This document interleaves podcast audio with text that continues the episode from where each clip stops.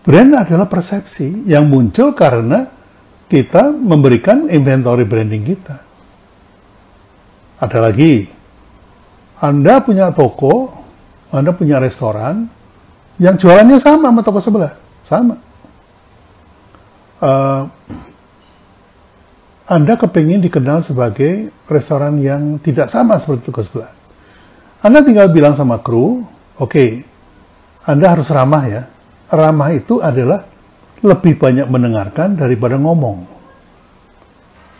Jadi kru itu harus mendengarkan apa yang dikatakan oleh konsumen yang datang. Jadi Anda mendengarkan, oke okay, Bu, apa yang saya bisa bantu? Tata tata tata tata tata si ibu ngomong gitu, baik Bu, saya catat. Baik Bu, modalnya cuma sabar sama ramah itu aja. Apakah untuk sabar Anda harus bayar? Tidak. Apakah untuk untuk ramah Anda harus bayar? Tidak. Nggak keluar dana sama sekali. Jadi salah persepsi bahwa kalau mau bikin brand harus punya duit. Ya. Jadi teori saya barusan mematahkan uh, mitos itu. Seolah-olah hanya uh, yang punya duit yang boleh bikin brand. Nah, kesalahannya di mana? Kesalahannya adalah karena Anda kepingin jadi korporat, UKM pengen naik kelas jadi korporat, kemudian sudah menjadi korporat sebelum punya kemampuan korporat. Kesalahan utama dari teman-teman UKM adalah Anda sudah berpikir seperti pola pikir korporat, padahal Anda masih berada di tingkat UKM. Nah ini. Sehingga seolah-olah ya selling dulu supaya dapat duit, baru kemudian branding. Itu pola pikir korporat dan pola pikir yang salah. Oke? Saya ini sedang bicara sama UKM. Jadi kalau Anda itu UKM, bangunlah brand, bangunlah persepsi dengan inventory yang tidak perlu keluar duit. Salah satu contoh, kalau Anda jual makanan, maka eh, makanan itu masuk mulut, langsung langsung ke perut. Makanannya. Rasanya ke mana? Rasanya itu naik ke otak, dicatat oleh otak. Ketika Anda bikin rasa yang sama dengan toko sebelah, yaitu Anda dianggap sama, generic product. Ya. Kalau Anda bikin merek, dianggapnya generic brand. Untuk memenuhi kebutuhan generik. Tugas Anda adalah membuat rasa yang beda. Buat rasa yang unik. Makanya teman-teman suka bilang, ini sate padang loh. Karena apa? Rasanya beda dengan sate Madura. Sate Madura itu di dalam persepsi publik pasti ayam, pasti sama-sama uh, dibakar, pasti uh, apa namanya uh, uh, pakai kacang dan pakai kecap. Kalau sate Padang itu rasanya udah langsung dicatat, gitu ya. Jadi teman-teman uh, jangan pernah berpikir bahwa kalau mau nge-branding itu harus punya duit. Pengalaman saya 52 tahun, itu memang bilang begitu, tapi itu adalah mindset korporat. Kalau UKM nggak perlu begitu. Mengapa? Satu, UKM itu arena bermainnya lokal. Ya. Korporat arena bermainnya nasional.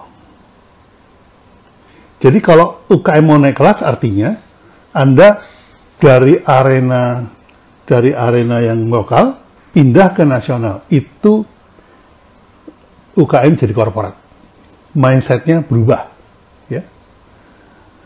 Tapi selama Anda jadi UKM, bermainlah lokal. Terus korporat itu punya kelebihan. Kelebihannya adalah besar.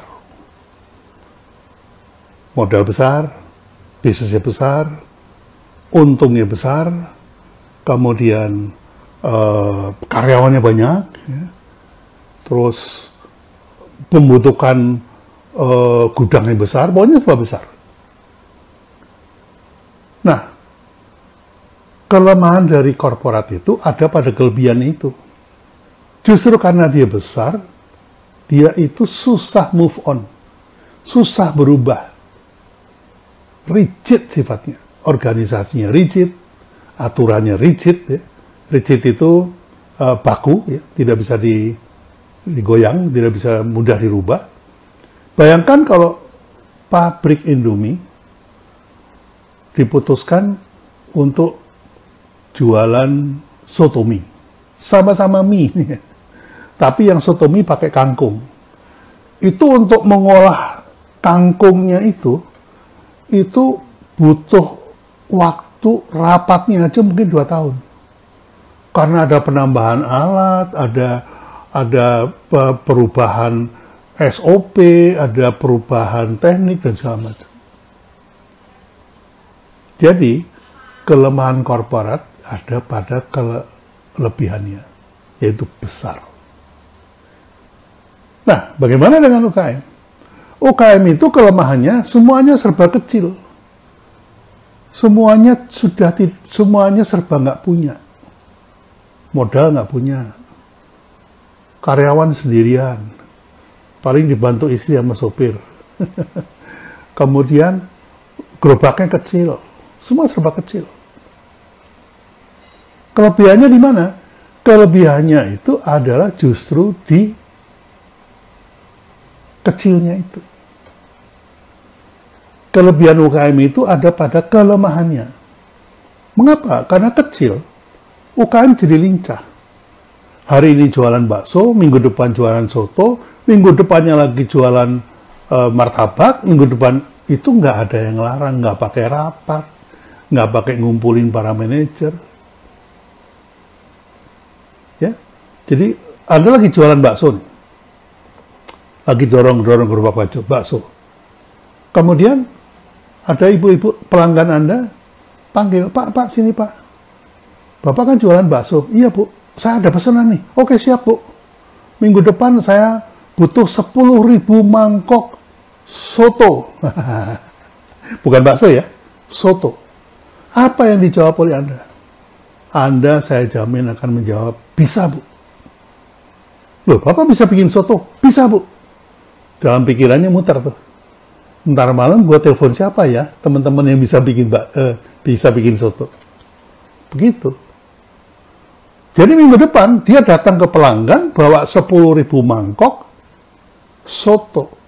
Anda pindah jalur dari bakso ke soto itu nggak pakai sen, nggak pakai tanda kayak ibu-ibu uh, apa namanya emak-emak itu kalau naik motor belok nggak pakai sen itu keunggulannya UKM nah yang saya tanya yang saya pengen tahu kenapa sih kok nggak dipakai dimanfaatin kelebihannya ini?